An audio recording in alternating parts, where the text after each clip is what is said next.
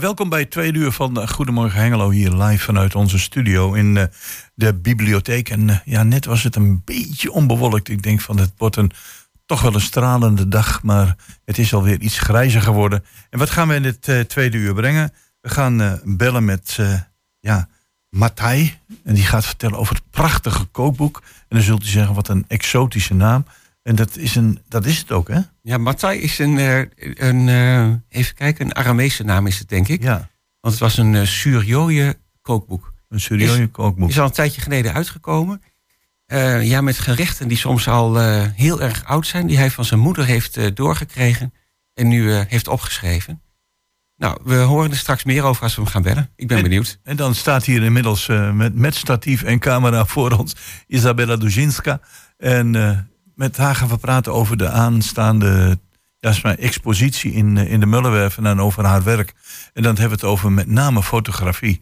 En als je kijkt naar de beelden, dan uh, ben ik gelijk al helemaal onder de indruk. Ja, dat zijn uh, wel hele bijzondere foto's. En we gaan bellen met Mirella Jellema van de Schouwburg Hengelo over de agenda van de komende week. En we beginnen met Chris Ria en Driving Home for Christmas.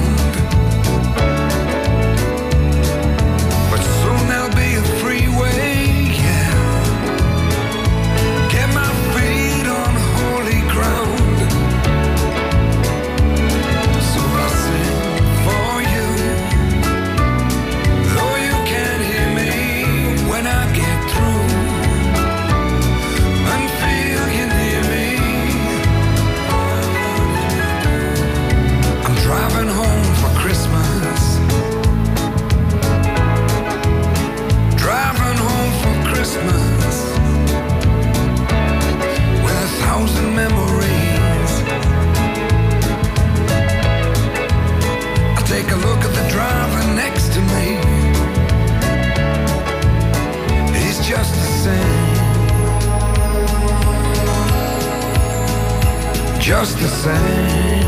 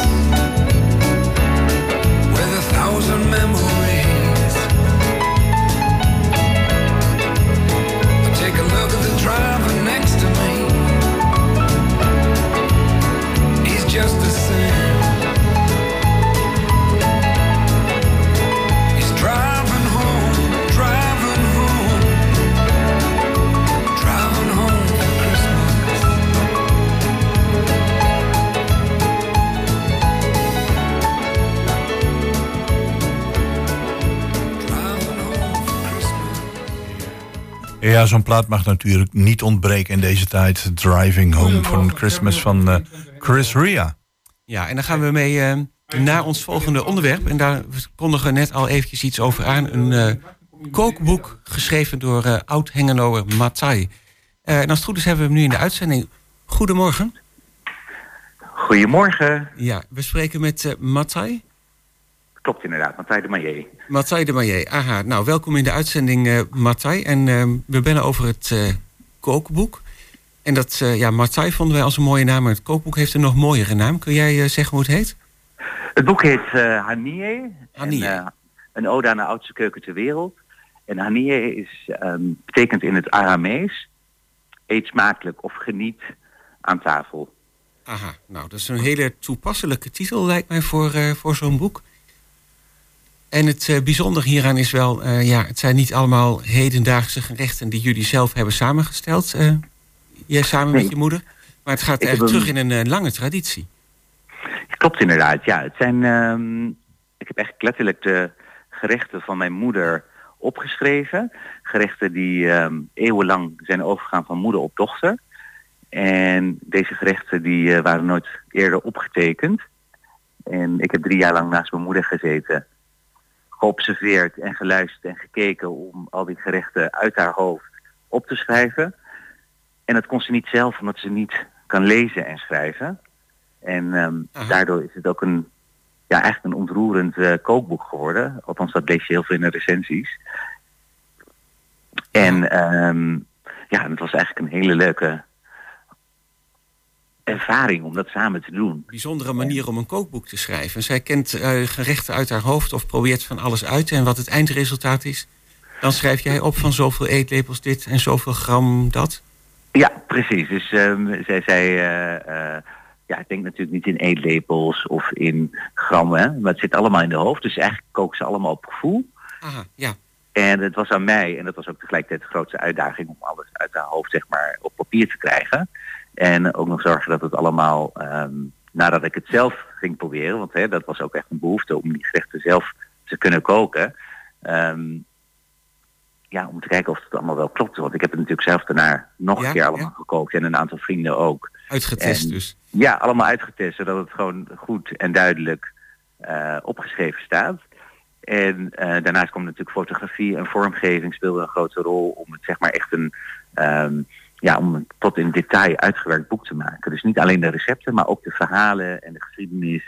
En uh, ja, de ontstaansgeschiedenis eigenlijk van, um, ja, van, van die keuken. Hè? En de keuken, dat mm -hmm. is de keuken van de uh, christenen uit het Midden-Oosten, hè, de Syrië. En de Syrië is een vrij grote gemeenschap die, um, die nu in Nederland gecentreerd is, in, voornamelijk in Twente en ook een heel groot deel in Amsterdam. Ja. En het zijn christenen eigenlijk, hè, zoals ik zei, uit het Midden-Oosten, die ja, eigenlijk heel vaak in het nieuws komen vanwege hun onderdrukking en um, ja, in de Armeense bijvoorbeeld. Maar als je die periode daarvoor bekijkt, hè, die ik uitlicht in het boek, dan zie je een hele rijke culinaire en um, culturele geschiedenis, rijkdom. En die, ja, die leg ik vast in het boek en daar vertel ik over. Ja, want die traditie gaat heel lang terug. En uh, als ik het goed heb, was dit ook niet uh, beperkt tot één land, maar spreidde die cultuur zich over verschillende landen uit. Precies, ja. De, de, echt, hè, de, de ontstaansgeschiedenis is, um, of het ontstaat, is allemaal ontstaan in Mesopotamië en dan het noordelijke deel, Assyrië. Daar uh, waar de ja, eigenlijk meest vruchtbare grond ooit was, tussen de Eufraat en de Tigris, de twee rivieren. Ja. En daar is ooit een grasbandje ontdekt en uh, dat bleek doerumtarwe te zijn. En uh, doerumtarwe, dat kennen we voornamelijk uit Italië, want daar wordt pasta van gemaakt. In Noord-Afrika couscous. Maar in uh, het Midden-Oosten is het inheemse plantje, wordt daar um, van gemaakt, burgul. En daarmee is het eigenlijk de oudste landbouwsamenleving um, ter wereld. En dat is eigenlijk tot, ja, daarom ga ik ook echt terug tot 4000 jaar geleden. Zo. Um, en daar uh, probeer ik een link tussen te maken tussen die eigenlijk ontstaansgeschiedenis of die landbouwsamenleving, die cultuur, ja? helemaal naar de uh, keuken van mijn moeder. Ja. Nou, uh, vraag ik me af met, met Jossie. je hebt natuurlijk een aantal ingrediënten die, die zijn te verkrijgen. Maar loop je ook te tegen het feit aan dat je bijvoorbeeld een aantal ingrediënten niet kunt krijgen en die moest vervangen door iets met eenzelfde smaak? Um, nou, kijk, eh, als je naar het boek kijkt, dan uh, zijn het eigenlijk allemaal ingrediënten en gerechten die iedereen kan maken. Ja. Um, en mijn moeder die kan die ook maken, hè. die woont zelf in Nederland, in Hengelo. En um, uh, dus uh, nee, alles is verkrijgbaar, alle ingrediënten. Dat was een tijd geleden was het natuurlijk anders. Maar tegenwoordig in de samenleving waarin we wonen en de behoeftes van de mensen die nu in Nederland wonen, zie je dat aanbod zelfs tot uh, ja, de meeste supermarkten. En als die daar niet te krijgen zijn, dan uh, stap je eens een keer een uh, exotische kruidenier in, ehm, een winkel in. En wat, wat natuurlijk ook ontzettend leuk is om daar ook weer alles te ontdekken. maar alles is verkrijgbaar en dat is eigenlijk heel goed te doen. En dat lees je ook in de recensies. En... Um, en dat is voor mijzelf ook wel handig, hè, dat ik weet ja, waar je ja, alles ja, kan krijgen. Ja. Want, want, ik vraag me ook af, eh, je ziet natuurlijk in, in allerlei keukens, eh, en je ziet dat zeker in deze tijd opkomen, dat er gerechten klaargemaakt worden uh, die te maken hebben met of een feest of een tijd van het jaar. Wordt dat ook in dat boek beschreven?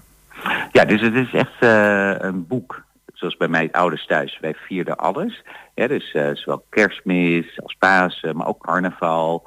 Uh, nou ja, eigenlijk alle feestdagen, alle verjaardagen, die slaan we niet over. En die beschrijf ik ook eigenlijk um, in het boek aan de hand van een kalender, een culinaire kalender. En bij die kalender horen ook een aantal gerechten. Um, en dat is het leuke van dit boek, want ik heb het laten fotograferen in alle vierde seizoenen van het jaar, maar ook aan de hand van alle feestdagen. Um, dus uh, het is echt ook een Facebook. Het is uh, hopelijk ook een lust voor het oog, want ik heb met vier fotografen gewerkt. En uh, op die manier is dat ook allemaal um, eigenlijk vastgelegd. Alle recepten worden ook geïntroduceerd met een verhaal en, um, en welke periode van het jaar je die eet en op welke feestdagen. Um, dus dat is nog een extra in het boek. Ja, het, is, het is dus niet alleen een, een boek met gerechten, maar het is ook een boek dat je aan de hand neemt door een stuk geschiedenis en met name de culinaire geschiedenis. Absoluut, ja. En dat vind ik ook een mooie ontwikkeling van de kookboeken van tegenwoordig. Hè. Het is veel meer dan alleen recepten. Tegenwoordig zijn er wat betere kookboeken. Uh, ook echt leesboeken geworden. Dus een boek wat je echt mee kan nemen naar je bed en gaat lezen. En um, mee kan uh, nemen naar een andere cultuur of naar een ander land. Um, en, en, dan waar die gerechten zeg maar echt wat verbeelding spreken of waar je gaat dromen over die gerechten. Ja, ja. Um, ja, dus dat vind ik echt een goede ontwikkeling van de kookboeken. Dus kwalitatief dat die, uh, worden dat gewoon betere boeken. Nou, dat geldt dus ook wel voor uh, Hannier. Dat je echt uh, wat meer over de cultuur ook weer te weten komt.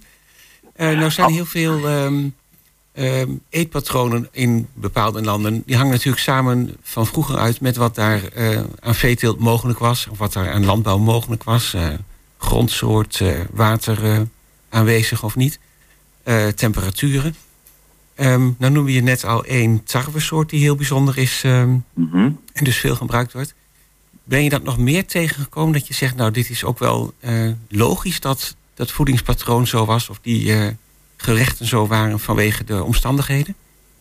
Ja, wat mij enorm, uh, en dat heb ik eigenlijk ook altijd al geweten, maar als je dan zo'n boek maakt en in de keuken staat een beetje moeder en je hoort veel oude verhalen, maar ook nieuwe verhalen, en het op een gegeven moment echt gaat opgeven, dan um, ja, worden er ook een aantal dingen logisch. Eén daarvan is bijvoorbeeld dat er ook best wel veel vegetarische en zelfs vegan gerechten in staan. En oh, uh, dat is ook logisch van deze mensen die, uh, deze, deze groep mensen die um, uh, dus uit dat gebied komen, die um, wilden zich ook aan een vaste patroon. Dus dat betekende eigenlijk dat je geen vlees at of zuivel, waardoor er ja, ook echt veel gebruik is gemaakt van groenten en granen. Um, dus dat zie je ook veel terug in het boek. Dus het is echt. ja, ja, in de tijd voor Pasen bijvoorbeeld, dat er zo'n periode was. Ja, ja, ja, precies. En dat is ook wel heel leuk om met te lezen. En dan denk ik van, oh ja, zo ben ik eigenlijk ook opgevoed. Um, dus uh, uh, wat dat betreft, als je het boek leest, dan ja, word je ook echt meegenomen eigenlijk in die hele cultuur. En dan ja, ontmoet je ook gewoon zeg maar een hele nieuwe keuken en um, met gerechten. En dat is, ja, dat is gewoon een extra van het boek. Moet ook, uh, denk ik, heel leuk zijn geweest gewoon om dit zo te doen. Ja, het was één groot feest om dat met mijn moeder te doen. Want ja, ze is is een ontzettend prettig persoon om mee samen te werken. Het was niet Ja, altijd hoe, even duidelijk je moeder? Want we hebben volgens mij haar naam Mijn moeder heet. Smoenie. Mijn moeder heet Smonie Toeran en die eh, ehm, woont in Hengelo. Eigenlijk kwam zij als eerste eh, Assyrische of Aramese Suryoyo-vrouw in Nederland. Nadat mijn vader hier zich al had gevestigd. Eh, en dat, mijn vader kwam hier in 1968. En mijn moeder wilde aanvankelijk helemaal niet mee. Maar toen kwam ze in Nederland aan en eh, was er bijvoorbeeld nog helemaal geen aubergine of een uh, paprika te Oh, krijgen. ja, Het waren ja. hele andere tijden, dus dat was Ja. zo moeilijk. Ehm, maar ehm, ja, toen, maar toen totaal ehm, eh, ja, geïntegreerd en meegedaan in, eh, in de hele samenleving. En dus die, mijn moeder die kan ook gewoon stampotjes maken. En die smeerde voor ons ook gewoon boterhammen naar school met, met pindakaas. Ah ja, ja. En Dus- eh, ja, ja, maar later ben ik enorm deze cultuur gaan, of deze keuken gaan omarmen. En ehm, van ons, ja, een, echt een behoefte om, ehm, om die gerechten ook zelf te maken. Want ze zijn ongelooflijk lekker en kleurrijk.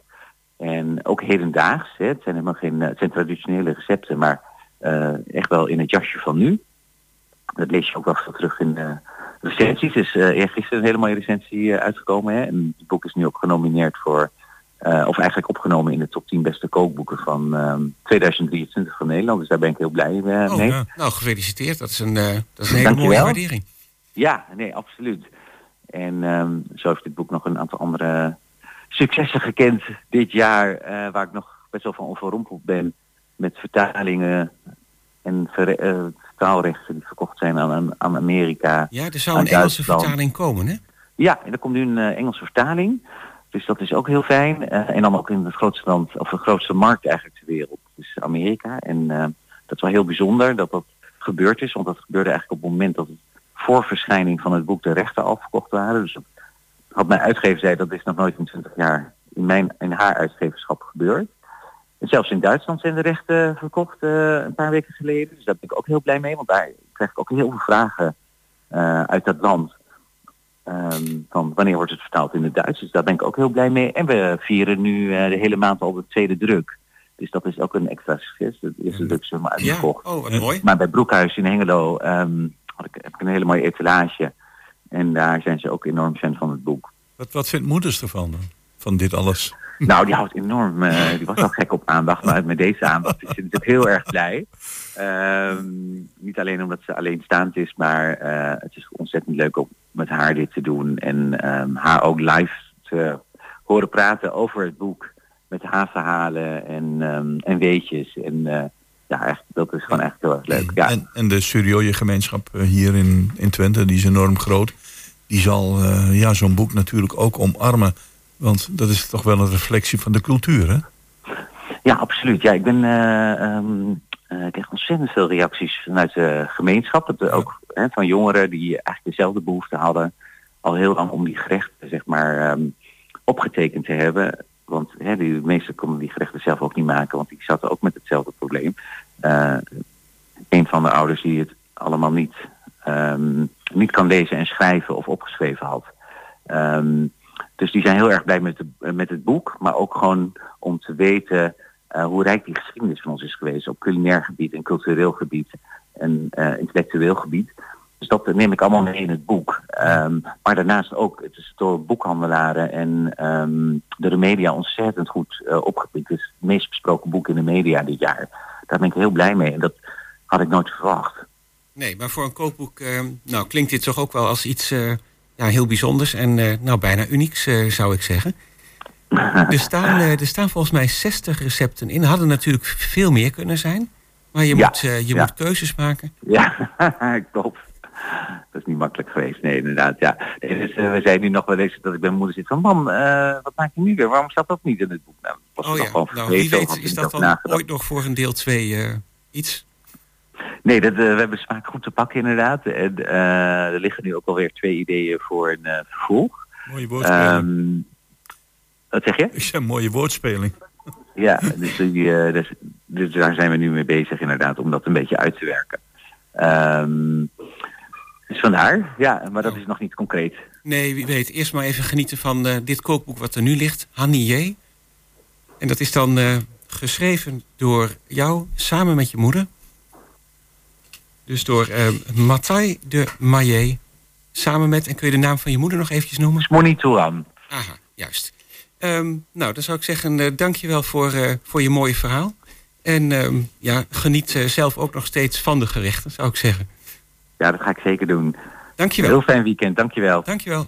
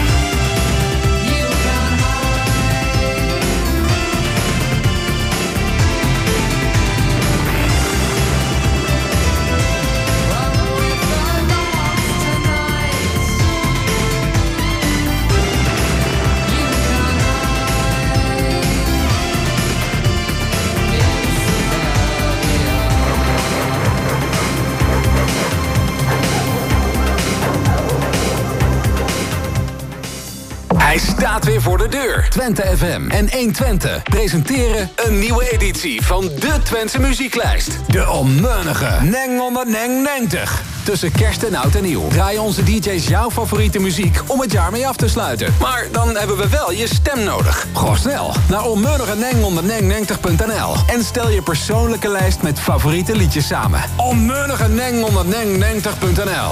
Donders mooi.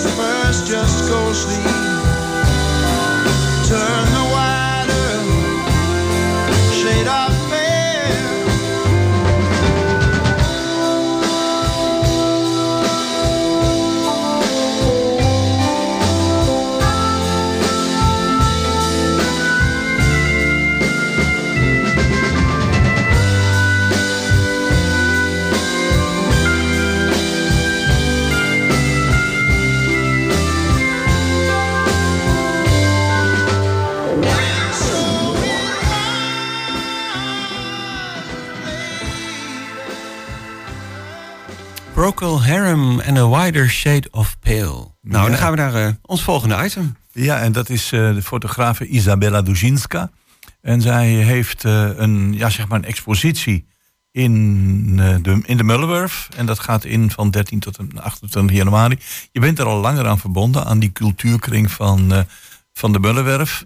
En nu ben je uitgenodigd om een, ja, zeg maar een expositie daar te houden van ongeveer twee weken. En ik heb een beetje gegoogeld eh, op jouw eh, website. En dan vind ik een aantal prachtige portretten. Maar dan denk ik van, hoe krijg je de mensen zover dat ze er zo mooi uit gaan zien op het moment dat jij ze fotografeert? Is dat, is dat een, een, een blik voor iets? Of, of gaan er gesprekken aan vooraf? Goedemorgen Ja, eh, voor ik ga mensen op de foto's, foto zetten, ehm, ga ik eerst met hen in gesprek. Daar eh, praten we over heel veel verschillende dingen. Maakt niks uit wat het is. En op bepaalde momenten krijgen ze zo'n eh, spanning is vanaf van ik moet foto's maken. ja. En dan gaan ze gewoon lekker eh, rustig en, en ontspannen bijzitten. Dan Ja. pak ik de camera en dan ga ik de foto's maken van hun. En eh, is het dan zo dat, dat, dat zijn mensen die zeggen van zet mij maar op de foto. Of je komt iemand tegen, of je ontmoet iemand en die zegt van wauw, je hebt zo'n markante kop. Ja. Die wil ik, die wil ik graag eh, portretteren. Eh, het zit heel erg verschillend. Eh, sommige mensen komen om geportretteerd door mij te worden. En sommige mensen zie ik bijvoorbeeld bij Albert Heijn. en ik zeg, wauw, Ja. dat is hem. Ja. Dus daar ga ik gewoon recht op af. Oh ja, dat eh, doe je en- wel? Ja, zeker. Sommige mensen kijken, wat moet je hier? Wat, is dat? En dan eh, in gesprek gewoon eh, midden in de winkel. En dan zeg ik, nou, je hebt zo dat, dat. En dat spreekt me heel aan. Mhm. En die zou ik graag op de foto eh, willen hebben. En dan heb je ja of nee of eh, gelijk. Of willen ze wat meer tijd om over na te denken. En dan eh, meestal komen ze wel terug. En als ze dat willen, komen ze naar de fotostudio of ergens buiten.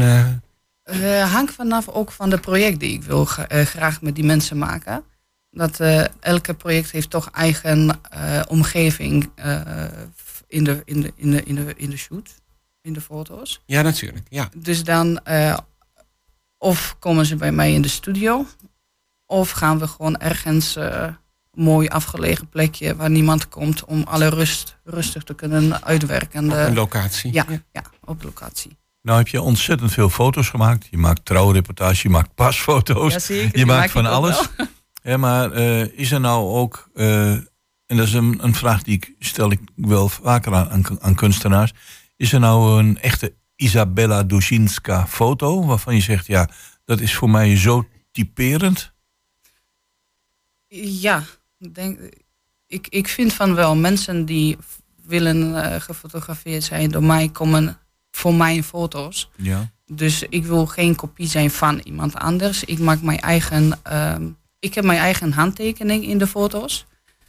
En eh, daar mensen komen voor. Ook bij de pasfoto's kun je gewoon mooie criminele pasfoto's maken. Maar toch probeer ik binnen die alle normen en grenzen wat eraan zijn gesteld Ja, ja. toch mooie portret gewoon van maken. Dat het niet alleen maar laatje-foto wordt die vergeten is, maar die ook eh, blijft hangen eh, bij mensen. Ja, nou bij de pasfoto heb je inderdaad wel heel veel restricties. hè? Ja, het is heel veel, heel veel regels zitten eraan, maar toch Doe je kun toch je nog iets met belichting of zo? Of, met eh, eh, gewoon eventjes gesprek vooraan gaan met de mensen en zeggen, nou, zo en zo gaan we dat doen. Het voelt wel raar, die houding die ik graag wil dat die aanneemt. Maar die zeggen, ja, maar dat voelt wel heel raar. Ik zeg, ja, weet ik, maar doe maar even, vertrouw me maar. En dan zien ze gewoon de uitkomst van die gewone pasfoto. En dan zeggen ze, oh ja, kun je toch nog iets eigens ja, van maken? ja, ja Oké. zeker. Nou zie je ook bij de fotografie iets wat eh, zeg maar 30, 40 jaar geleden niet anders kon. Ja. Zwart-wit. En dan krijg je kleur en dan denken mensen wauw, alles in kleur. En je ziet toch weer eh, een terug naar eh, een, misschien een nostalgisch gevoel. Of ook vanwege de expressie, een teruggang naar de zwart-wit. Hoe sta jij daarin? Ja, ik hou van zwart-wit. Ja, dat is wel te zien. dat is wel te zien. Ja, Ja. het is. Zwart-wit heeft. ehm, wat je ziet in zwart-wit is gewoon de emotie. Puur gewoon.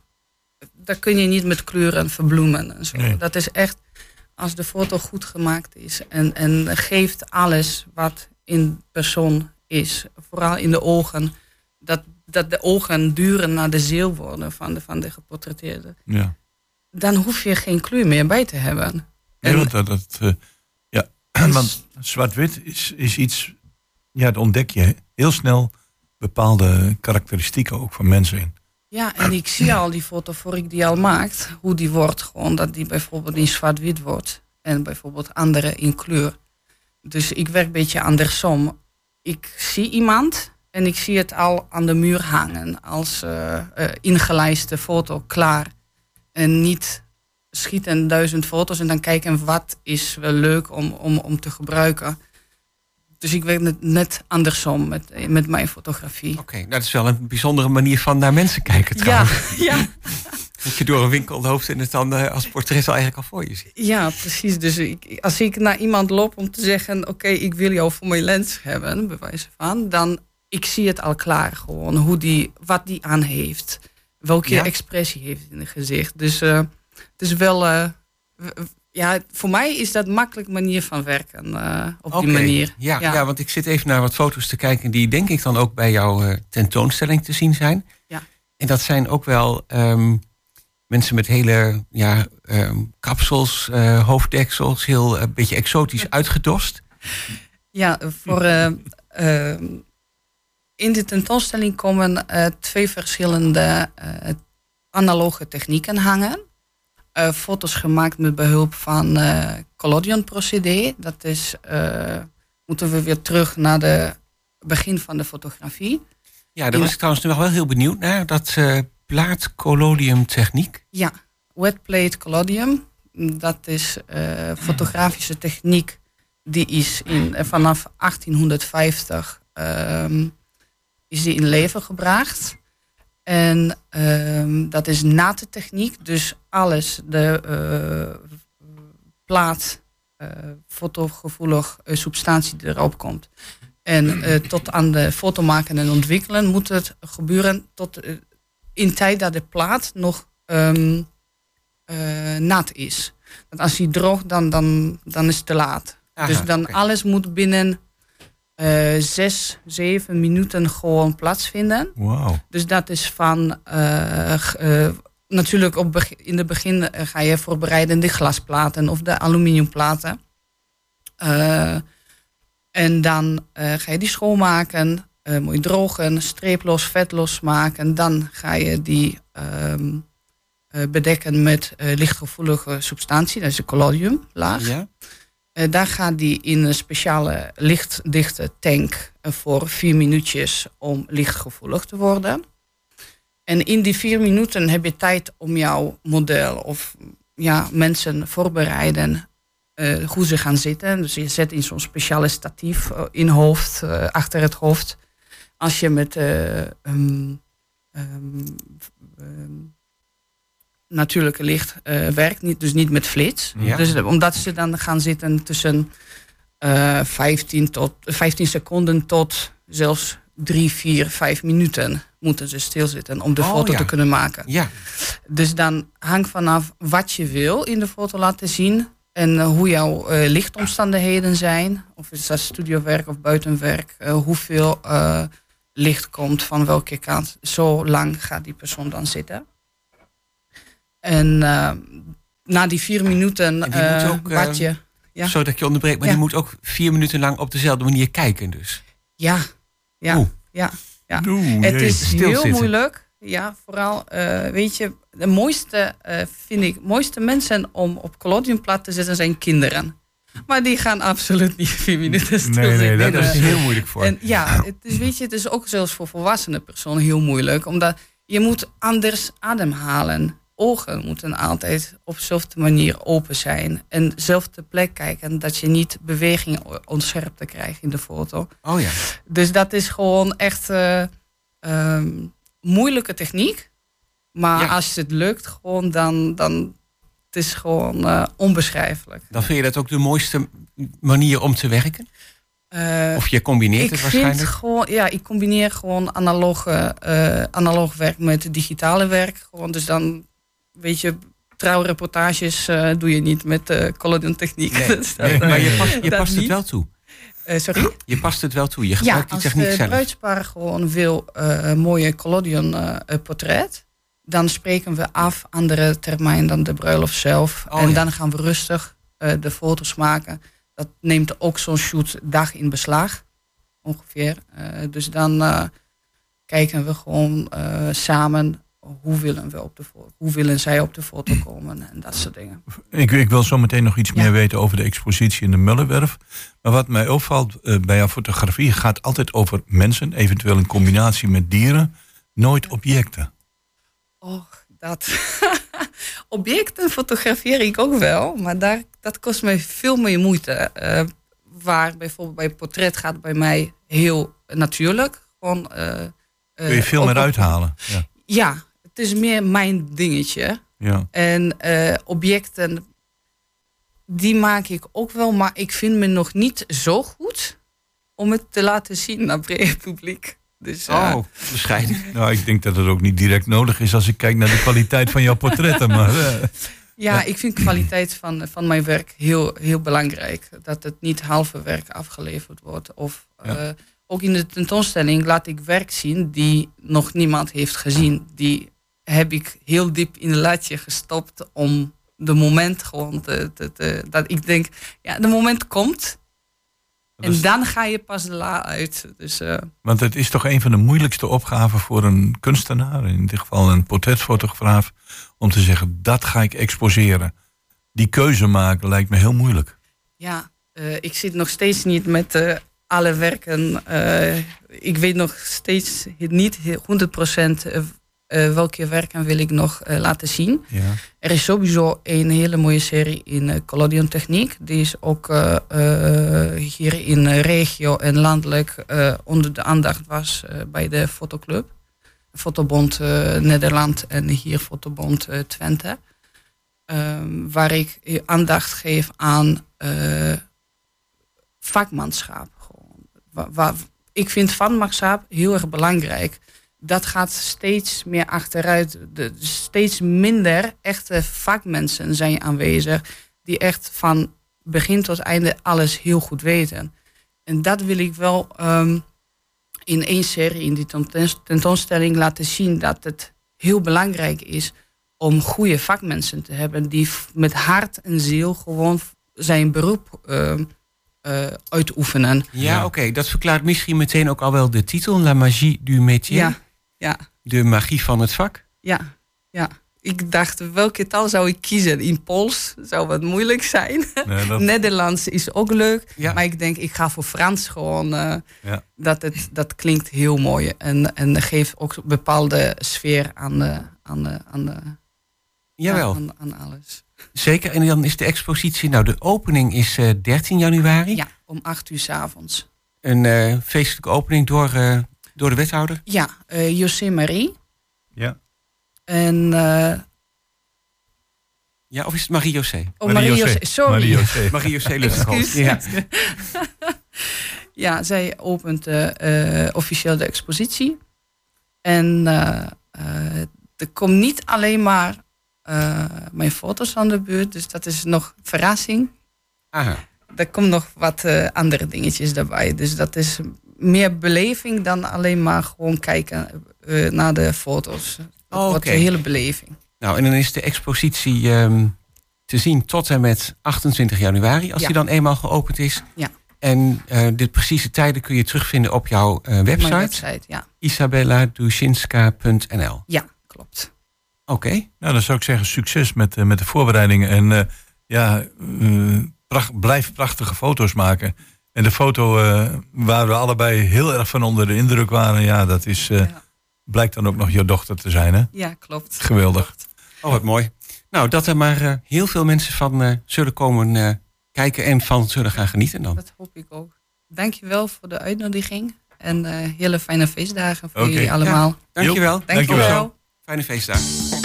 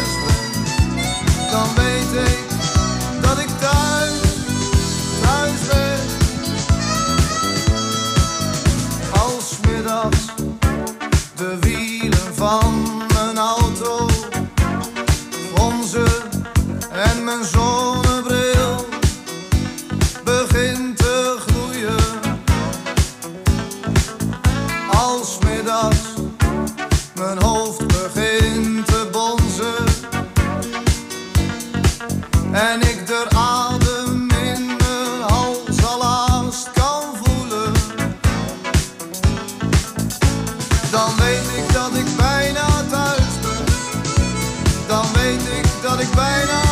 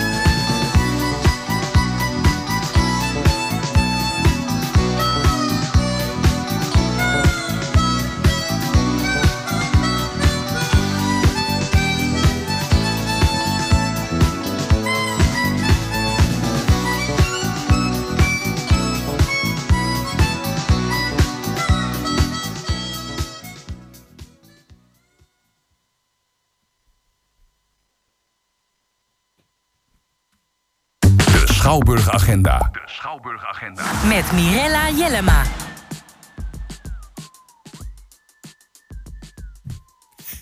Ja, en het is weer tijdelijk, of het is weer tijd voor ons wekelijkse interview met Mirella Jellema over het programma van de Schouwburg. We gaan richting de feestdagen. Dus het zijn of eh, hele feestelijke, eh, ja, hele feestelijke voorstellingen. We laten ons eh, verrassen. Goedemorgen en welkom in het programma. Goedemorgen. Nou, we gaan Ja. beginnen. Hè. Ik bedoel, eh, vandaag staat er al iets heel eh, bijzonders op het programma. Eh, ja, we hebben vanavond twee voorstellingen. We hebben bij ons in de grote zaal een concert van Raccoon. De band uit Zeeland natuurlijk. Hoeft niet zoveel toelichting, denk ik. De meeste mensen zullen hun hits wel kennen. Zowel Nederlandstalig als Engelstalig de laatste tijd. En ze komen vanavond inderdaad met een, een nieuw theaterconcert. Waarin al hun hits voorbij zullen komen, maar ook een nieuwe muziek. Ja, en daarnaast hebben jullie nog een, een in, de, in de middenzaal, het, eh, als ik het goed uitspreek, Noop, hè? Noep. Noep. is het. Ja. Noep. Ja, Noep, eh, Noep is een eh, nieuw, jong, fris cabaret duo. Het zijn de winnaars van het Amsterdamse Kleinkunstfestival. Ehm, en Noep is afgeleid van het woord newbie. wat gebruikt wordt in dat de ICT van mensen die nieuw, eh, nieuw zijn in de, in de sector. Eh, dat zijn deze makers ook. Ze zijn eh, de nieuwkomers. en ze maken cabaret wat heel erg scènematig is. Waarbij ze zich laten inspireren door, door het leven. Ze noemen het zelf inderdaad humor in een modern jasje. En loose is waar je een hart voor krijgt. Ah, op die manier. Dat is vanavond, eh, beide zijn te zien. eh Raccoon is vanaf 8 uur en Noop vanaf half negen. Ja. En beide zijn nog kaarten eh, te bestellen. Ja, klopt. Bij Raccoon zijn het inderdaad echt de allerlaatste plekjes. We hebben nog een stuk of zes kaartjes. Eh, dus dat, eh, we hebben wat, wat zieken gehad onder onze bezoekers. Dus er zijn wat kaarten toegekomen. Dus mensen kunnen nog heel last minute kaarten bestellen voor Raccoon voor vanavond. Nou, ik zou zeggen, op is op, hè? Zeker. Ja. Nou, en dan kan het niet uitblijven natuurlijk iets in de kerstsfeer. En dat is morgen te bewonderen. Ja, we hebben eh, jaarlijks een eh, groot concert van het Grootkoor Twente. Eh, een, een kerstconcert met altijd ook een solist. En dit jaar is de solist tenor Florian. Het is inderdaad een groot koor wat ja, onder leiding van Etty van der Meij en dan van Groeningen elk jaar komt zingen. Nu dus met tenor Florian als solist. En hij maakte met zijn prachtige stem diepe indruk ook bij het tv-programma Aria. Kunnen mensen hem van kennen. Dus het is gewoon een, een prachtige middag vol kerstmuziek bij ons in de grote zaal. Want jullie hebben er bewust voor gekozen, omdat, omdat het ook op zondag is, om dat op de, op de, middag, op de middag te doen. Ja, we merken dat inderdaad eh, de zondagmiddag populair is. Dit is ook een concert voor de wat oudere doelgroep. Eh zo gezegd, en die vinden het gewoon prettig om bij daglicht nog eh, naar het theater te kunnen gaan, zodat ze niet s'avonds in het donker weer terug naar huis hoeven. Dus vandaar heel bewust het zondagmiddagconcert van het Grootkoor Twente. Aha, nou, er is wel eh, over nagedacht dan, eh, in ieder geval, eh Mirena. Ja, zeker. En dan maken we een sprongetje zo te zien naar de woensdag. Ja, we hebben op woensdag 20 december ook weer twee voorstellingen. Bij ons in de grote zaal staat weer het gezelschap Psychologie in het Theater. Zij zijn een graag geziene gast bij ons. Ze komen vaak bij ons met hun voorstellingen. Dit keer met Dag Mama 2. Eh, en dat is inderdaad een voorstelling weer in het kader van dementie. Eh, het is een vervolg op de voorstelling Dag Mama 1. Eh, en in deze voorstelling wordt er een sprong gemaakt van drie jaar in de tijd. Waarbij dus eh, de mevrouw die centraal stond in Dag Mama 1... eh, steeds verder wegglijdt in haar dementie. Met meer probleemgedrag. En in deze voorstelling gaan ze ook dat weer analyseren. En de mensen die in de zaal zitten handvatten geven hoe om te gaan met mensen die dementie hebben. En het is inderdaad in- vooral interessant voor eh, mensen in de zorg ook en de mantelzorgers eh, die het in een nauw, nabije omgeving daarmee te maken hebben.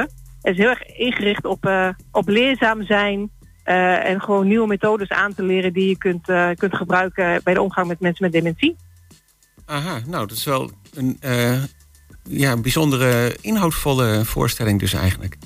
Ja, ja, dat doen inderdaad de makers van psychologie in het theater en dementie in het theater komen altijd met een voorstelling met, eh, met zo'n inhoud. Wat interessant is inderdaad ook voor mensen met een, eh, met een zorgachtergrond. Eh, en dus inderdaad Ja, nu ook weer op ja. woensdag 20 december. Oké, en ook op woensdag 20 december Anne Neutenboom. Ja.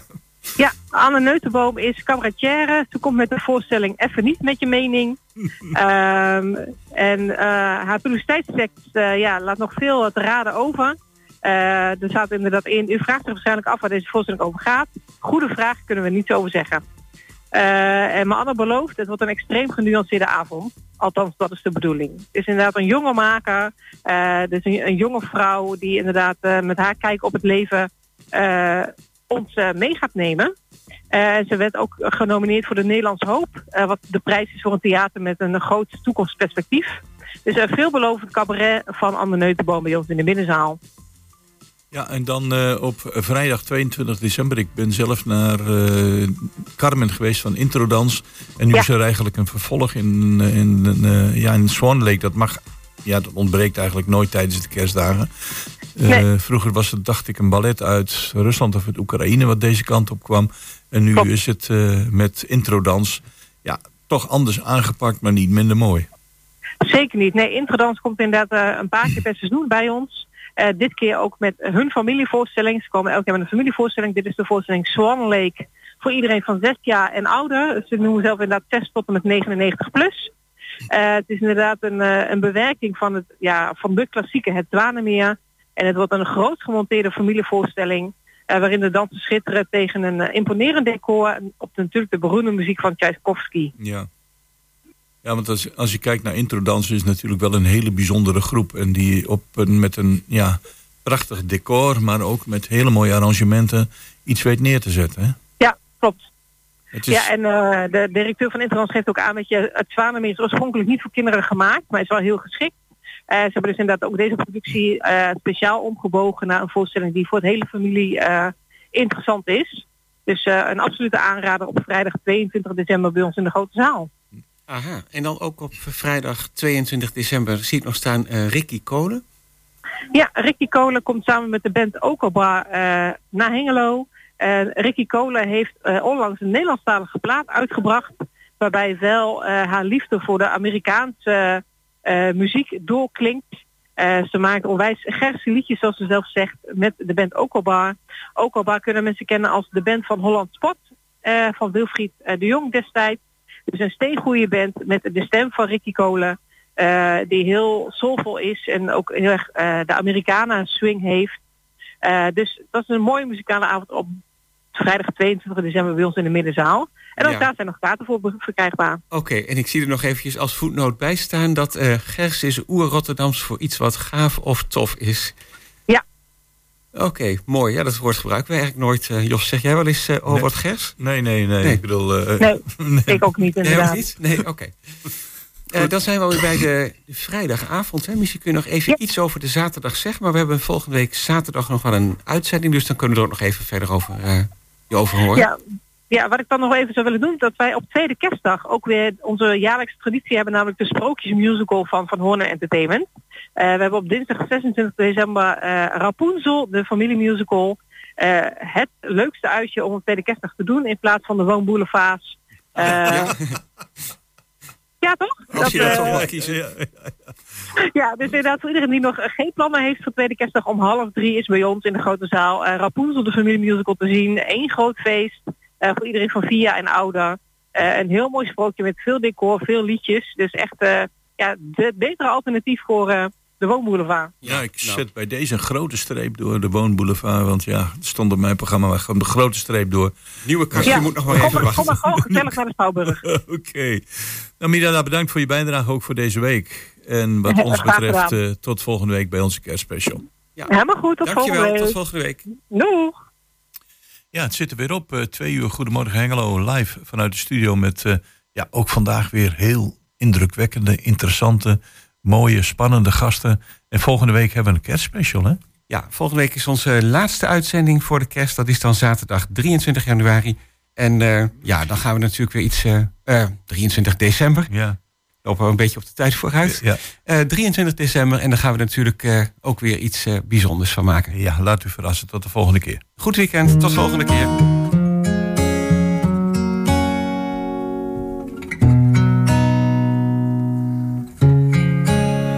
Waar je van hield,